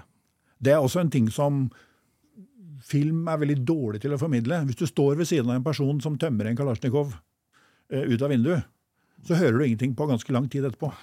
Så det at folk ikke skriker til hverandre og roper 'hæ' hele tiden, det er, det er veldig unøyaktig. Folk som hvisker etter å ha avfyrt våpen, eh, som gjør, vil, altså Trommehinnene dine møtes i midten av der hjernen skulle vært når, når noen skyter ved siden av deg. Og det gjør at du hører ingenting. Så jeg hører ingenting nå heller, for jeg har jo senskader av dette her. Men Men så avslutter du den karrieren, så kommer du hjem til Norge, og så er det rolig og fredelig, og det er ingen ved siden av deg som kan finne på å skulle angripe deg eller prøve å ta livet av deg. Og hvordan takler man en sånn tilværelse plutselig? jeg har jo jeg har gjort eh, bare sånn Jeg har gjort andre ting opp igjennom også. Innimellom. Jeg har jo hatt eh, jeg, altså de, de fleste fotografer gjør jo ting som de ikke flagger så nøye. Eh, vi fotograferer direktører eh, altså sånn ja, Direktører med høyt blodtrykk og rosa skjorte til årsmeldinger, og vi gjør en del sånn type ting fordi vi må betale husleie og, og sånn. Så, så det er klart at det har vært et sånn parallelliv i noen grad eh, hele tiden. Men eh, eh, jeg, jeg, jeg, sluttet jo ikke helt frivillig på grunn av dette, denne utfordringen med, med helse, da, så, så var jeg nødt til å legge om litt før jeg var klar for det etter en, et uhell som gjorde at jeg ikke var så, så god til beins lenger. Og det var nok en sånn begynnelse på en litt sånn mental eh, nedoverspiral, hvor jeg mistet litt troen på meg selv. Jeg mistet litt eh, motivasjon, kanskje. Og fant vel Fant meg ikke noe særlig godt til rette i Ikke bare liksom et fredelig vestlig land, men kanskje det fredeligste. Eh, rikeste, mest Hva skal vi si Det er jo altså Vi som Nå sier jeg vi, og det er egentlig veldig unøyaktig, jeg har jo tross alt ikke bodd her så mye. men Norge er et veldig spesielt land. Det tenker man ikke, det er ingen som bor et sted hele Jeg syns det er helt vanlig. Ja. Ja, du syns det er helt vanlig. Men for oss som kommer fra andre steder, da, så, så er det veldig rart. Det er et land, altså her har noen mennesker valgt å bo nesten på Nordpolen. Der eh, har de så god råd og sløser så mye at der velger de å bygge de største husene i verden per person. Det er ingen mennesker i verden som har flere kubikkmeter luft rundt seg enn nordmenn. Fordi de bor eh, i kjempesvære hus som skal varmes opp. Og så klager de på at strømmen er dyr, fordi de har disse kjempesvære husene å varme opp. Og så bygger de disse husene så langt unna hverandre de bare kan. Fordi de liker er, Nordmenn er individualister i ekstrem grad. Det er det også veldig få som er. Hvis du drar til hvilken som helst landsby på, i et jordbruksområde ellers i de fleste andre land i verden, så er det en landsby. Og så ligger landbruksjorder og sånn, det ligger i en sånn stjerneform ut fra den landsbyen. I Norge så ligger gårdene så langt unna hverandre. Det er fysisk mulig å legge dem. Ja, ikke sant? Eh, og gjerne sånn at de er innesnødd og avgrenset fra hverandre eh, mesteparten av vinteren. Helst Nå tar jeg i litt, men eh, Vi var jo veldig glad vi under pandemien når man opphevet tometergrensen, så vi Så kunne vi- gå tilbake til de gamle fem. Ja, nettopp. Ja. Det, det, um, det uh, med Hva skal vi si, da? Um, å komme fra ikke bare å ha stort sett jobbet og levd i kollektivistiske samfunn, hvor folk er hvor det med å være sammen og felles, ha noe felles er en helt naturlig del av livet, men i enda større grad når det har vært steder hvor man plutselig er nødt til å fungere sammen, fordi ellers overlever man ikke. Sant? Du blir en del av et samfunn. Da. Du, du flytter inn, og når de andre journalistene reiser hjem etter en sånn pakketurperioden sin, så blir vi der i månedsvis. Da får du venner, eh, du får kjærester, du, altså, du blir en del av tilværelsen, og du flytter liksom inn mentalt på en måte som gjør at du blir en del av det det vil si når du setter en befolkning under trykk. Og da kommer flokkdyret mennesket til sin rett. vet du. Da, da får vi til ting som vi ikke greier ellers. Da er det sånn Noen må ut og hente vann. Så er det en eller annen gammel dame som sier 'Jeg har levd lenge, men jeg er fortsatt god til beins'. Jeg går og henter vann. Det er bare tull at en eller annen ung person skal risikere å ikke få et liv fordi det skal hentes 20 liter vann det å ta en for laget Dette med dugnadsånd som vi driver snakker om i Norge, vi aner ikke hva det betyr i det hele tatt. Det er, det er så lenge siden vi drev med sånt i Norge, for vi har ikke vært nødt til det. Nei. Det har ikke vært noe behov. Vi har alltid hatt en eller annen sånn der, noen vi kunne ringe. Eh, så Annenhver sykkel du møter i Oslo, er jo noen som frakter mat fra A til B til folk som sitter alene et eller annet sted. Ikke gidder å gå ut og treffe noen mennesker når de skal spise. Liksom. Folk sitter alene ved pulten sin og spiser lunsj. Eh, bare det, altså. Det er liksom masse greier eh, sånn. Og den overgangen ble ganske sterk for meg, og det var ikke lett. Det, det, det jeg taklet ikke det spesielt bra. Uh, falt vel i en situasjon hvor jeg uh, innså at uh, jeg fikset ikke de små, rare tingene man må gjøre i et sivilisert samfunn. Eh, jeg er vant til at det var liksom jeg har ikke, Mange mange år så har jeg ikke vært nødt til å forholde meg til eh, byråkrati, det byråkratiet som fører med å leve i et vanlig samfunn. Da. Jeg har alltid, det, vanskeligste valgene har vært sånn Jeg hadde noen sånne ryggsekker med forskjellig farge på, ettersom hvilket klima jeg skulle til. Sant? Det var liksom de, det var min logistikk. Det var det jeg forholdt meg til. Jeg bodde ikke nok i Nordland til at jeg hadde, var registrert der som, eh, som fastboende. Eh, Det kom aldri noen konvolutter fra det offentlige med sånn 'nå må du fylle ut dette her og sende inn sånn og sånn'. Det hadde jeg ikke gjort på mange, mange år. Sånn, Ingen for så vidt offentlige instanser visste hvor jeg var hen, eller hva jeg holdt på med. Og plutselig, da, så satt jeg i Oslo 3 og fikk eh, ting som jeg måtte forholde meg til. Som er sånn som nesten alle andre nordmenn klarer, helt utmerket. Og det greide ikke jeg. Jeg ble en veldig dårlig samfunnsborger, sånn eh, byråkratisk, teknisk sett. Og fikk ganske store eh, utfordringer med å fikse noen sånn hverdag i det hele tatt. Da. Ble veldig lite produktiv. Det er jeg fortsatt. Jeg er ikke noe sånn eh, Jeg er effektiv eh, fordi jeg har en sånn grunnsett med kunnskaper og kompetanse. Etter at eh, langt liv i fotografi, så kan jeg gjøre, få til veldig mye veldig fort. Og med et visst nivå på. Men jeg greier ikke å gå på jobben om morgenen eh, fem dager i uken.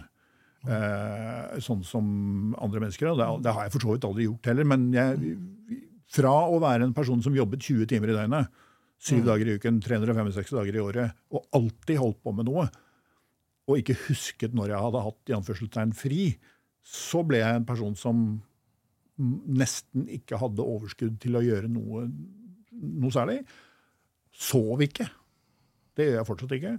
noe særlig. Og det er jo et kjempeproblem. For det første som ryker når du ikke sover, er det kreative. Mm. Det er liksom den aller første tingen når du våkner om morgenen, helt utslitt og helt lysvåken, er at du merker at hvis jeg skal sette meg ned med blanke ark og fargestifter nå, så blir det ikke noe.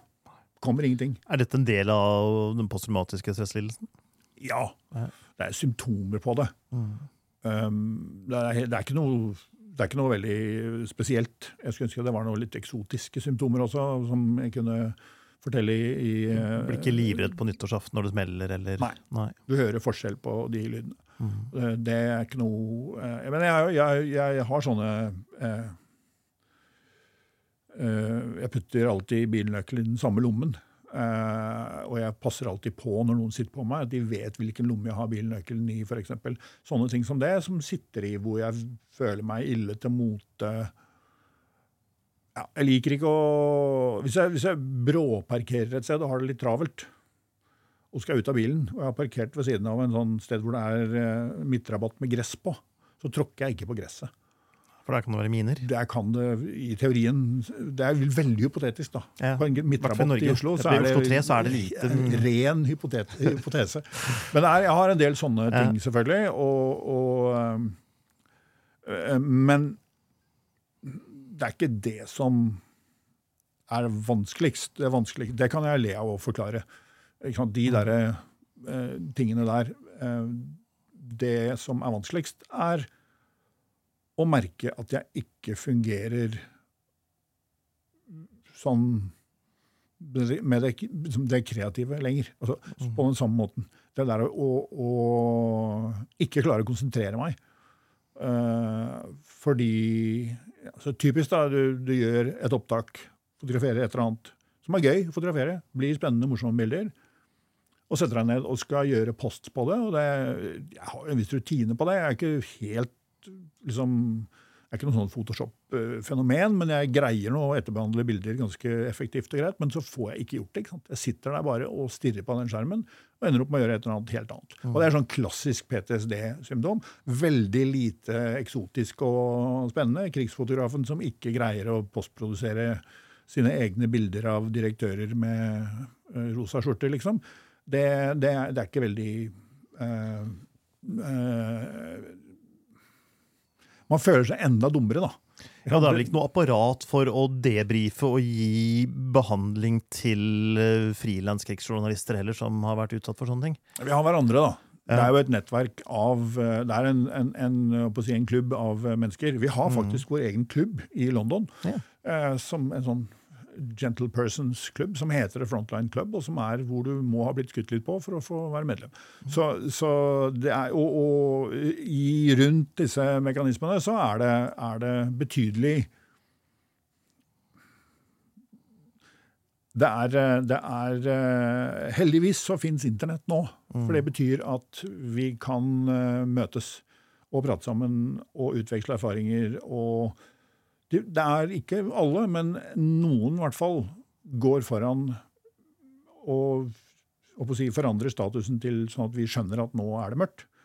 Og så forsøker vi å stille opp uh, for hverandre. Så det er en sånn de av oss som har holdt på med dette lenge, og som er hva skal vi si, i dette miljøet, da, vi er ikke så verst til å passe på hverandre. Nei, Og det er nok av oss. Eh, og det skjer nok, da. Det er også noe med det. Det er alltid ferskvare. Vi mister verden Altså eh, ca. 100 journalister blir drept hvert år.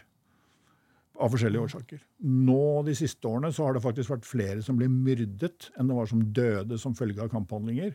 Dette er pga. Altså undersøkende journalistikk osv. Altså, hvis du nå avslører en eller annen korrupt politiker eller en eller annen uh, narkobaron et eller annet sted, så risikerer du at du blir myrdet uh, for å ha gjort det.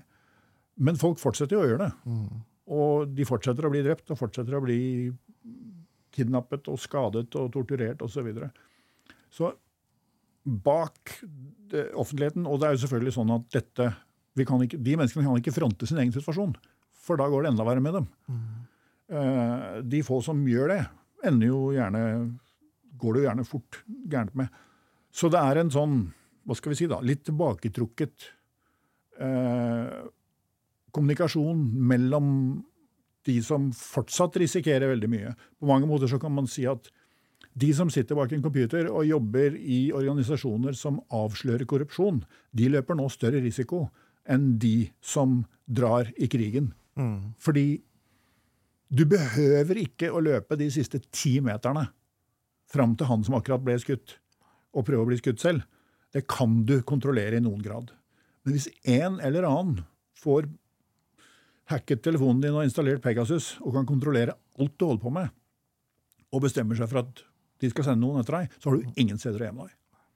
Og for de som ikke vet hva Pegasus er, og har mobiltelefon, så bør de finne ut det når denne podkasten er over.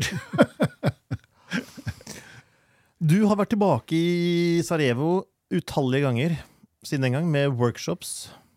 Er det en terapi for deg? Ja, i noen grad så er det det. Det er også en måte å, eh, fantastisk måte å henge med gamle venner på. Mm -hmm. Og ikke minst eh, De har jo altså De som jobbet disse fantastiske fikserne og oversetterne og alle disse folkene som, som jobbet for meg og oss den gangen, er, det er jo et, et, betydelig antall, og mange av dem bor der fortsatt. Uh, er nå, noen er prominente journalister, andre har tatt helt andre veier. Det vi gjør på disse workshopene, er at vi setter, snur tiden litt tilbake og hyrer dem inn igjen i sin opprinnelige kapasitet. Og Hvis du da kommer som workshop-deltaker, så får du Istedenfor at jeg går rundt og peker og maser og sånn, så får du gleden av å få de mulighetene som jeg og vi hadde. Si Uten jobber... serbere på fjellkanten? Hmm? Uten serbere oppå åskanten? Ja, ja du, du, du, treffer mange serbere. Det bor fortsatt veldig mange serbere i Sarajevo. Men de treffer ikke deg? Nei, altså... ja. Men de, har, de, er ikke utstyrt med det samme som det var den gangen. Eh, nei da, det er, det er, helt, det er jo kanskje faktisk en av de uh, minst farlige stedene du kan dra i Europa nå. Fordi at det er en sånn betydelig indre justis i befolkningen i Sarajevo, hvor de vil ikke ha noe tull. Nei. Så vold, vold og altså, jeg har, jeg har, vært mange år i Sarajevo til sammen. Jeg har aldri sett et eh, fylleslagsmål eller et barslagsmål. Og jeg har gått ganske mye på bar. Men den derre eh, sånn eh, to fulle menn som står og drar hverandre i slipset og brøler til hverandre. Det har jeg altså ikke opplevd eh, der. Jeg har sett mye annet. Og det er ikke fordi det er flertall av muslimer der? Nei. Nei. Det er ikke fordi det er eh, Så må man jo huske på, da, veldig viktig å huske på her, at dette er en blandet befolkning. Var folketelling der. I, i, republikk, altså I hele Jugoslavia var det folketelling i 1990.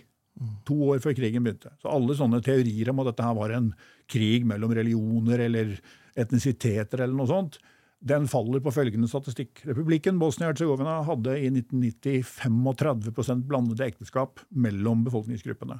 I byen Sarajevo var det tallet 45 eh, Dermed, og Det er bare den generasjonen som da er registrert. Hvis du går litt bakover, så er det jo klart at de aller fleste har en bestemor som ikke er helt korser. Det er, så det faller på sin egen urimelighet å, eh, å tro at det, det, var der. Så er det, skal ikke forsøke å forklare akkurat det her og nå, det får du heller bli med til Bosnia og oppleve selv. så Få det fra de som kan fortelle det ut ifra sin egen situasjon. Men i hvert fall, det som gjør den workshopen spesielt morsom å jobbe på med, er jo dette her at Jeg kan gi de fotograferende folkene som er med, muligheter til å jobbe med fantastisk profesjonelle fiksere. Sånn at hvis de sier 'jeg har lyst til å fotografere ballettskolen', hvordan skal jeg få innpass der på, på en halv dags varsel og få lov til å være der inne i garderoben mens de skifter, og ikke liksom irritere noen? Og hvordan gjør vi det? Hvordan får jeg vite historiene til disse folkene? Så er det to telefoner, og så er det ordnet, og så sitter du i garderoben på ballettskolen. Eller hva det måtte være. altså. Og det er den måten å jobbe på, i stedet for at uh, vi har sånn at, altså En workshop har en tendens til å være innsnevrende, i den forstand at det blir mer og mer fokusert på hva du skal holde på med. Mm. Så forsøker vi å gjøre det motsatte. Og det er sånn Kom med de villeste ideene du har. Det du har lest om i gamle bøker om Bosnia, hva det måtte være, og si 'dette har jeg lyst til å prøve'. Og så funker ikke det på dag én, så gjør vi noe annet på dag to. Og så det, hører det med til historien selvfølgelig, at vi driver ikke med sånn felles samling på kvelden med bilder på veggen og nerver og photoshopping og sånn. Det er forbudt. Ingen får lov til å sitte og photoshoppe bilder når de kan være ute og fotografere. Det er eh, eneste totalforbudet er mot eh, å sitte på hotellrommet og svette over computeren. Så, så det, jeg fungerer som bilderedaktør. Du kommer til meg med eh, computeren din eller eh, hva du nå måtte ha å vise bilder på, og så ser jeg hele taket. Du kan plukke vekk det som er uskarpt og hvor folk blunker og sånn, hvis du ikke vil se det. Ofte så er det nyttig at jeg ser det også, hvis veldig mange av bildene dine er uskarpe. Så kan det være greit at vi prøver å finne ut hvorfor det skjer. Men husk på at jeg er vant til å sitte med frilansfotografer som kommer inn med sånne svette eh, minnepinner og sier jeg tror kanskje jeg har noen bilder her. Og har 500 eksponeringer, og det er to, da, liksom, to minutter til deadline og jeg skal vurdere Jeg må finne ut hva som kan brukes her. Jeg må finne ut hva det er for en fyr. Er disse bildene ekte eller ikke? Og, så og det gjør jeg hele tiden. Mm. Jeg må finne ut er dette en fyr jeg kan ansette. Så det å sitte med en workshop-deltaker og se på 500 eksponeringer fra ballettskolen, eller fra de gamle OL-anleggene fra vinter-OL i 84, som mange fotograferer når de er der, eller hva det måtte være, da det er bare rutine og kjempegøy. For det er liksom, du får et sånn Når jeg får se ditt take på noe, så får jeg se de tingene som jeg lærer noe om deg som fotograf av. Mm. Og det lærer jeg av. Ja. For alle har noe som jeg ikke har. Mm. Alle har en måte å se ting på og gjøre ting på. Nesten uansett hvor høy fotofaglig kompetanse de har så har de en måte å nærme seg et eller annet på som er såpass annerledes at jeg lærer noe av det. De første gangene vi hadde det, så hadde det alltid med arkitekter, for det er så mye gøy arkitektur i byen. Ja. Eh, så det er nesten alltid en arkitekt eller to med på disse workshopene. Og det var første gangen jeg satt der med bildene til arkitekter, som ikke nødvendigvis var så gode til å fotografere. Men jeg skal fortelle at jeg har peiling på rom. Mm. og flater og linjer og sånn. Og det er liksom, du ser på bildene som er tatt av en helt ordinær fotograferende person, bortsett fra det der. Og så kjenner du liksom teksturen i gulvet under føttene når du ser på bildet. For det er de helt vant til. De. Det er helt er selvfølge for dem at det perspektivet sitter i alle bildene. Og Det er bare ett eksempel. altså. Unge mennesker. Å få se hvordan en 18-åring opplever et sted hvor det i prehistorisk tid var en konflikt. Mm. Å forholde seg til kulehull i vegger og, og, det der. Så helt utrolig altså, å, å, få være med på, på det. Det er uh, uh, så, så, for meg, ja, det er mentalhygiene, og det er eh, å bli koblet opp mot fotograferende mennesker på en sånn måte. Eh, veldig intenst, selvfølgelig. Vi sitter jo i timevis hver dag og jobber med hver enkelts eh, bilder. Det er et kjempeprivilegium. At, at, noen mennesker i hvert fall tror at de kan ha litt nytte av eh, det, det, jeg har tilegnet meg opp igjennom. Og det holder meg på tærne litt også, for jeg, jeg, kan nok om fotografi. Jeg ser jo når det er noen som er flinkere enn meg. Sant? Det er jo sånn at talent er jo ikke den eneste biten her. De Jeg har elva, litt talent da, på noe, ikke sant? men ikke veldig mye. havner i elva, de som er, har mer talent Ja, enn deg? Eller? de, Ja. de, jeg har jo venner som ordner sånt. ja, da fikser de fortsatt. Ja. Så, nei, men det, er, det kan være ganske frustrerende å, å, å se på eh, noen som Altså se på bildene til noen som helt opplagt er et naturtalent. På mye mer enn det jeg er. Som gjør sånn derre Produserer fantastiske ting ut av ingenting. Det har jeg aldri greid. Jeg har aldri vært en sånn Ron Haviv-fotograf som kan bare gå ut en tur. Eh, og alltid komme tilbake i bilder som alltid kan brukes i de beste outletene i verden, uansett hvor han er. og uansett hva han holder på med. Det har jeg aldri greid. Jeg har alltid måttet ha kontekst, jeg har alltid måttet ha bakgrunnskunnskap, jeg har alltid måttet kunne bruke en masse teknikk sånn, for å sette sammen noe til å bli historier. Noen lys og skygger og en fot og en uskarp albue, liksom, det får ikke jeg til å bli et fotografi. Det har jeg aldri gjort. Og jeg, blir, jeg er kjempeirritert på de som gjør det.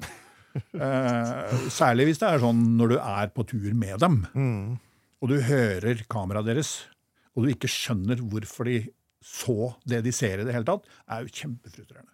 Og det er litt sånn som å spille midtbane eh, og bare gjøre sånn grunnarbeid, liksom.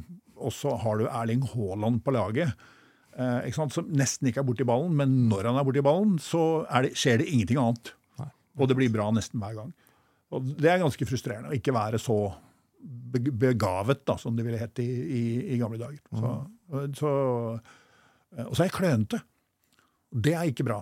Fotografer bør ikke være klønete. Det, det, er, jeg Men det er vel blitt lettere det med året, å være klønete? det har blitt lettere. Ja. Det har det. Ja, ja og nei, forresten. Det var færre ting å skru på på de analoge kameraene Men det var viktig å skru det riktig. Det var riktig å skru det riktig, men det var, der var det mye sånn ehm, Det var noen få ting du måtte gjøre riktig, og det måtte du ha sånn motorminne på. Ikke sant? Du måtte vite at når noen kommer gående mot deg, så skal du skru den veien på ringen. Nå er det jo ingen som vet det. Nei. Nesten. Som, så, altså, hvis jeg spør deg nå, rekk fram hånden og skru riktig vei. Hvis jeg kommer mot deg når du skal fokusere, så må du tenke deg om. Det kommer an på om du bruker Canon eller Nikon. Ja, ikke For det er jo motsatt vei. Nei, Det er bare Nikon vel som går, Jeg tror bare det er Nikon som, som går går feil vei. Ja. Ja. Noen kan du jo nå velge. Ja. Noen kamera kan du faktisk Det blir velge. ikke noe bedre av det alltid heller, for å få motorminne på det. Nei, du får ikke noe bedre motmind av det. Eh, Men, men øh, øh, jeg har liksom alltid greid å holde meg akkurat sånn at jeg ikke har dummet meg ut altfor ofte med at jeg har skrudd feil vei på ting, eller trykket på feil knapp, eller gjort ting i feil rekkefølge. Men det stokker seg når jeg får sånne ut av bilen fort med tre kamerahus liggende på gulvet på passasjersiden, og eh, en bag som skal med, som ikke skal veltes. Eh, uten at jeg skal liksom miste kaffen og alt dette her. Det, for jeg gjør ting i feil rekkefølge. Ja. Og det er sånn, altså, Klassisk klønete person. og det, Jeg gjør det nå. Jeg er snart 60 år gammel. Jeg skal reise meg fra middagsbordet. Mens jeg nå er på krykker, så tar jeg tak i tallerkenen og setter glass og sånn oppå før jeg reiser meg. Ja. Og holder det i hendene før jeg reiser meg opp. Og det er ikke, noe, det er ikke bra overført til sånn derre superfin, lynrask motorikk som du må ha for å betjene et moderne kamera. Altså. Det, så, så. Men jeg har jobbet, jeg har veier rundt det, men, men jeg er ikke, natur, eh, ikke noe sånn naturfotograf, nei. Eller naturlig fotograf, det er jeg ikke. Jeg burde ha drevet med noe mye enklere. hvis jeg skulle... Da har du gjort ganske bra suksess i det yrket du har fått, da, så du skal kanskje ikke klage på det. Jeg klager ikke på det. Jeg har vært kjempeheldig. Jeg har alt dette her, Vi hadde ikke sittet her hvis det ikke hadde vært for en flaske tabasco. Eh, og- Fortell historien om tabascoen. Det var i Afghanistan, var det ikke det? Tabasco. Det var i Afghanistan. Ehm, jeg hadde ehm, jeg, jeg hadde gjort en eh, grei innsats som eneste fotograf på et jordskjelv i Armenia, og fikk eh, de bildene ut. Eh, Da var det, den gangen var det en del av Sovjetunionen, det var unntakstilstand, det var helt umulig å jobbe der. Og på grunn av Nansen, Fridtjof, så fikk jeg helt jeg hadde det jordskjelvet for meg selv i ni dager. Fordi det å være nordmann i Armenia, så var jeg de stedene hvor Nansen-passene Og igjen så må da de som ikke vet hva et Nansen-pass er, skjerpe seg og lese historien sin. Eh, Nansen er fortsatt et av mine store forbilder. Eh, Men det å være norsk der, det betød at armenerne tok meg under sine vinger og gjemte meg for eh, russisk KGB osv.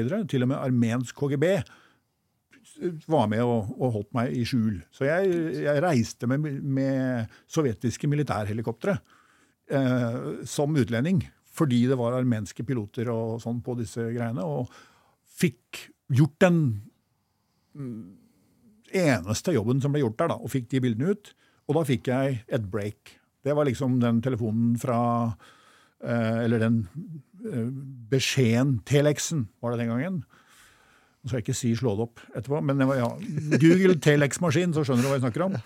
Eh, Det var en eh, e-post på papir som kom fra, fra den legendariske sjefen i Associated Press Photos i, i London, som sa eh, ja, prøv å få deg et visum til Afghanistan. Og jeg skjønte jo dette, er det liksom, Dette er Barcelona-telefonen. Dette er den ene sjansen du får.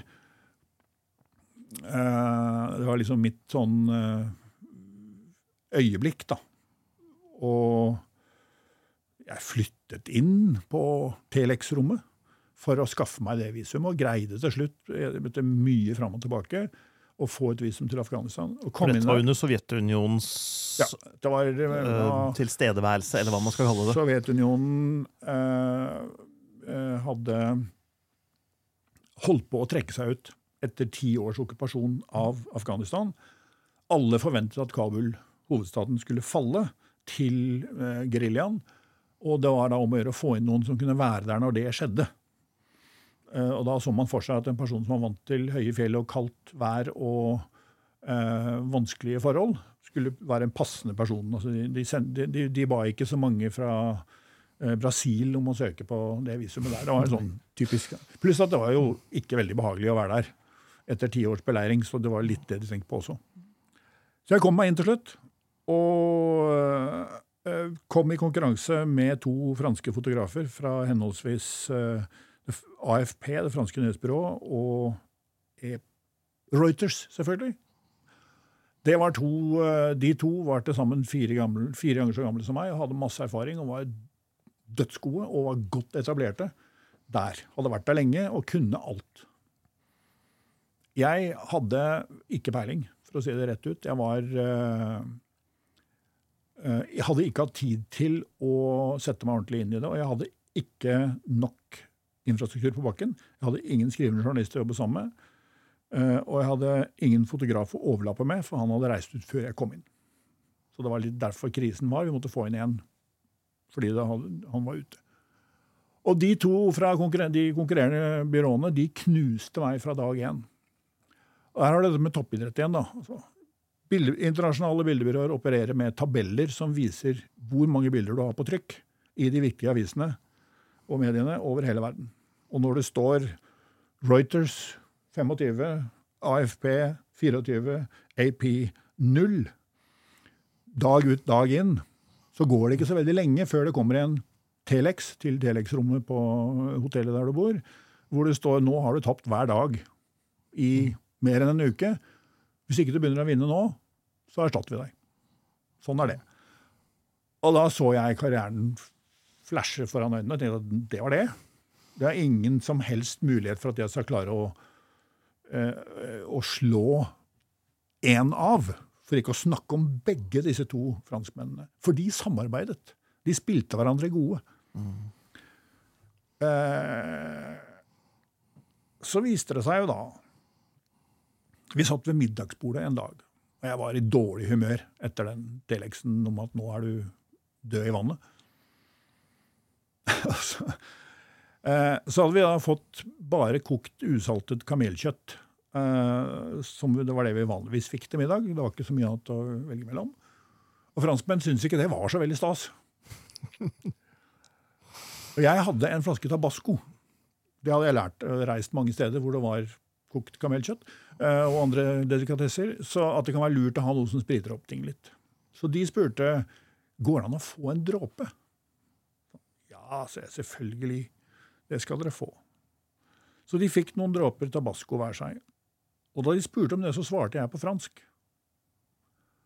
Og så sa de «Å ja, er ikke du amerikaner? I deres hode er det ingen amerikanere som snakker fransk. Eller noe annet språk eh, enn amerikansk. Ja. Og samtalen gikk litt frem og tilbake, og jeg var jo lei meg, så jeg fortalte at jo, det var hyggelig å bli kjent med dem, men det er nok et kortvarig bekjentskap, for nå blir jeg snart erstattet. Ja vel, sa de. Det var jo trist, da, hvis, siden du ikke er amerikaner.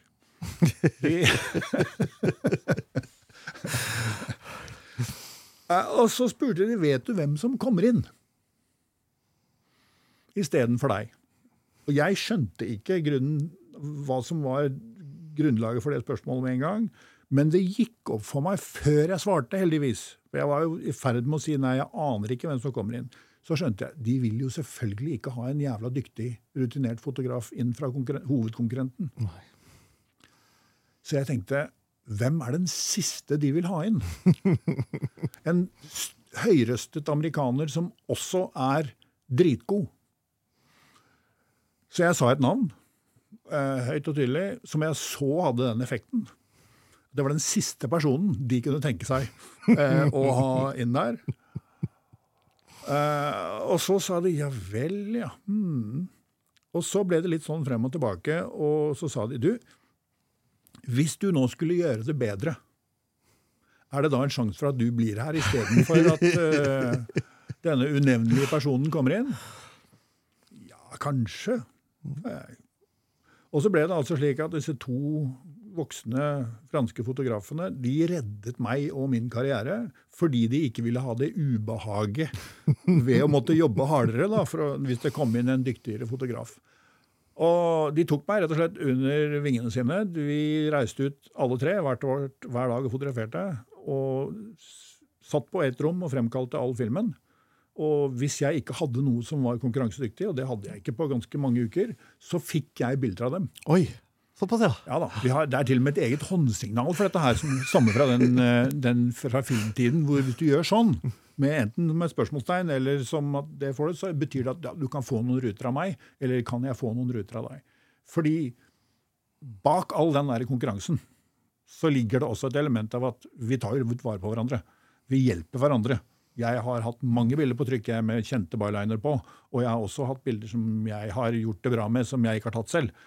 Fordi vi vet at neste gang er det omvendt. Mm. Og det, går på sånne, det er jo sånne uskrevne regler.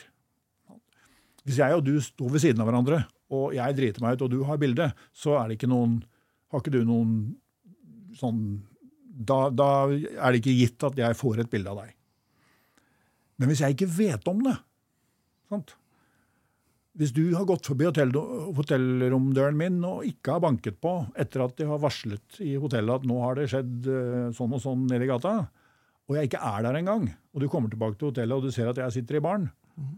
Da skal det mye til at ikke du hjelper meg med et kanskje litt dårligere, men likevel noe som gjør at jeg ikke får for mye pepper fra mm. redaksjonen fordi jeg ikke var der. For neste gang så er det jeg som glemmer å banke på din hotellrom stør, og da eh, trenger du et bilde. Så, sånn, sånn, er det. Og de, de to gutta lærte meg masse, og de reddet karrieren min. Og i løpet av de ukene der så det som da holdt på å bli retur til eh, Europa etter to uker, ble til tre og en halv måned vel, i, i Afghanistan. Hvor jeg liksom klarte å etablere meg som en fotograf som man måtte regne med. Og det var jeg ikke før det. Jeg hadde ikke de kunnskapene som skulle til for å være alene. På det nivået der, når du jobber for eh, på en sånn story som dette her, så må du være bra nok til å drive journalistikk også.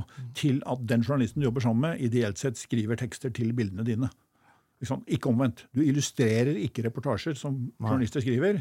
De skriver reportasjer fordi du har vært lenger frem og har mer informasjon enn den skrivende journalisten har. Ja. Og Det høres fryktelig rart ut for den jevne avisfotograf som, blir, som stort sett er nødt til å kjøre bilen og Eh, sånn at journalisten kan skrive og drikke. Mm. Men det er, det er realiteten. Ja. Eh, også fordi det er færre av oss. Sånn, så det er mer spisset, da, kan du si. Jeg syns det var en solskinnshistorie. Nå tror jeg vi har snakket i hvor lenge har vi snakket Altfor lenge. Alt for lenge. Skal vi runde av der med den solskinnshistorien? Ja. Tusen takk til deg ene lytter og seer som fortsatt har holdt ut hele veien gjennom. Og til dere som starta å høre på. Vi høres igjen om en uke.